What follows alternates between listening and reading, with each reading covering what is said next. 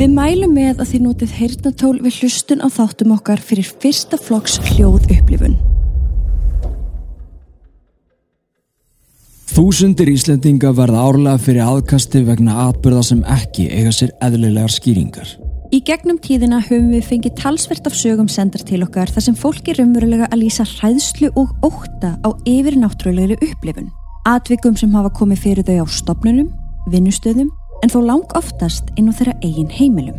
Í þessum þáttum munum við fara yfir aðsendar sögur, deila þeim með ykkur og reyna betur í það saman. Ég heiti Stefán John Og ég heiti Katrín Bjarkadóttir og þetta eru sannar íslenskar draugasögur.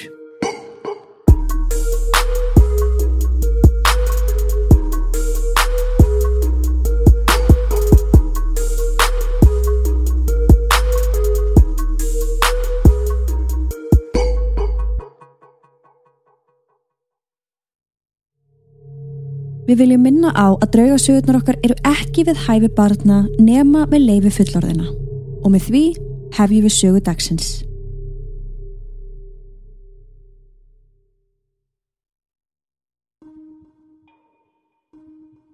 Komið í sæl kæru áskrifendur og verið velkomin í þátt nummer 39 af sönnum íslenskum draugasögum.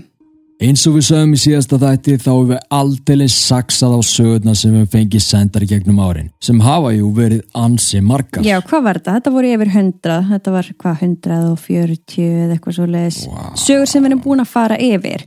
En núna þá þurfum við að fá tíma til þess að sapna saman fleiri sögum. Svo þáttur dagsins verður svo síðasti sem við gefum út í einhvern tíma. Já, við munum ennþá taka við sögum á sannaratraugasögur.com og ekki halda að við séum hægt fyrir fullt og allt af því að við munum snúa tilbaka. Algjörlega, hugmyndin hérna er í rauninni bara svo. Við vitum alveg að það er fólk hérna úti sem vil segja sína sögu. Við Já. viljum bara ná að sapna saman aftur nógu mörgum sögum til þess að byrja með serju 2.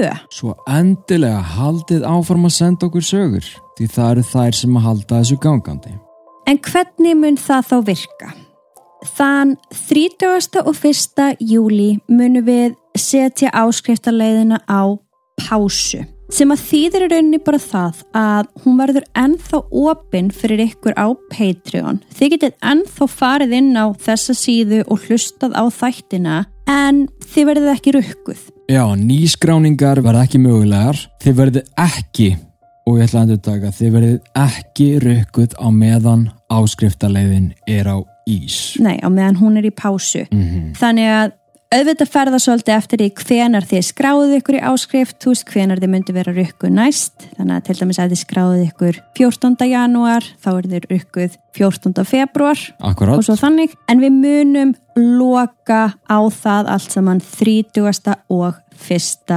júli. Þannig að við býðum bara spennt, fáum fleiri sögur inn Mm og vonandi halda þær áfram að koma og við getum bara byrjað með næstu seríu. En mér finnst aðeinslega Patreon sem byrjaði að bjóða upp á þessa þjónustu þá þannig að því við höfum náttúrulega aldrei í rauninni sett áskriftarleið á pásu áður, Nei. þetta er í fyrsta skipti sem við erum að gera það Já, og mér finnst rosa flott að er bjóð upp á þennan fítus að það sé sem sagt hægt að pása í rauninni greiðslur en halda samt áskriftarleiðinni opinni fyrir ykkur til þess að halda áfram að hlusta. það er bara awesome Já. og ég meina þið getur hlusta aftur og aftur og aftur og þið verðið ekki rökkuð og svo bara um leið og þetta byrjar aftur þá verður sko aldeilis látið ykkur vita.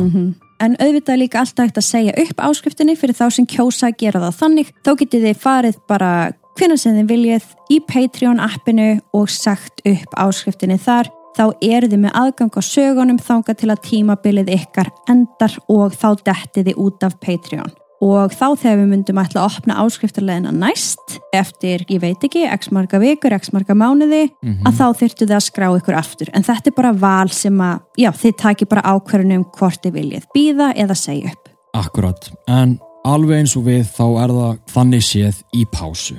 Svo vonandi staldrið þið bara við. En í dag ætlum við að segja ykkur sex draugasögur sem koma frá þremur einstaklingum. Svo það er ekki eftir neina að býða, við skulum bara vinda okkur í sögur dagsins.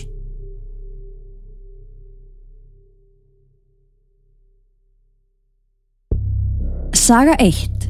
Stríð mitt við djöflana. Hér koma mínar sögur. Móðurfjölskyldan. Ég hef alltaf verið opinn á andlíu hliðina og hef upplifað rosalega margt. Ég hef aldrei verið eitthvað hrætt við draugana sem ég sé. Oft er þetta góðir andar og fylgjur. Þannig ég hef ekkert verið að stressa mig yfir því sem ég sé. En þetta er eitthvað sem ég langar til að deila með þeim sem hlusta. Fyrsta frásögn. Fadir hennar mömmu. Þegar ég var um 14-15 ára gömul þá lést fadirinn að mömmu. Ég hafði eiginlega aldrei hitt hann og þekkt hann ekki. En við andlat hans þá erfiði hann mömmu mína af hinum og þessum hlutum. Það voru einn daginn fullt af kössum inn í bílskurnum hjá foreldrum mínum og móðin mín og sýstir hennar voru að fara í gegnum hlutin hans. Mér fannst þetta frekar skrítið að sjá dót manns sem ég þekkti ekkert en vissi samt að hann væri blóðtengdur mér. Ég var ekkert að kippa mér ósala upp við alla þessa kassa en ég var hjá þeim í smá stund á meðan þau voru að fara yfir allt sem var í þeim. Ég sé svo mynd af honum og mamma segi mér eitthvað um þessa mynd. Þetta var ekkert svakalega áhugavert fyrir úlingin mig sem hafði ekki glórum það hver þessi maður var eða hvernig hann væri. En ég hlustaði samt sem áður af því ég vissi að þetta skipti mömmu máli. Nokkrum dögum eftir að það er búið að fara yfir alla kassana, allir búin að taka það sem að þau vilja eiga, þá byrja litlu sýstur mínar að fá óhugulega drauma. Mamma. Þær voru um 6 og 10 ára á þessum tíma svo að draugar voru ókveikjandi hugsun en ekkert sem þær pældu í. Þetta varð svo slæmt að þær voru sífælt að tala um mannin í jakkafötunum sem að hlóa þeim og hrætti þær. Stundum voru aðrar verur sem komu með í draumana. Það var svo sem ekkert mikið hugsað út í þetta annað en að þetta væri bara martraðir og öll börn upplifa martraðir á einhverjum tímapunkt í lífinu.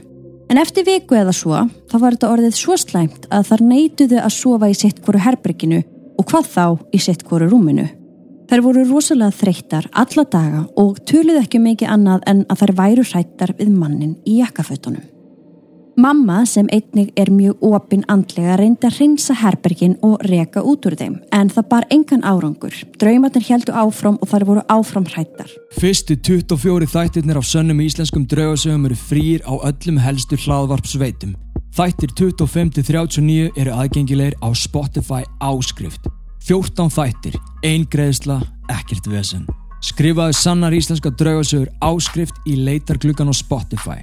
Smelt á lásin við hvað þátt sem er og síðan á Get Access og þú ert komin inn. Setjum hlekk til að gera þetta enn auðveldara hér í show notes.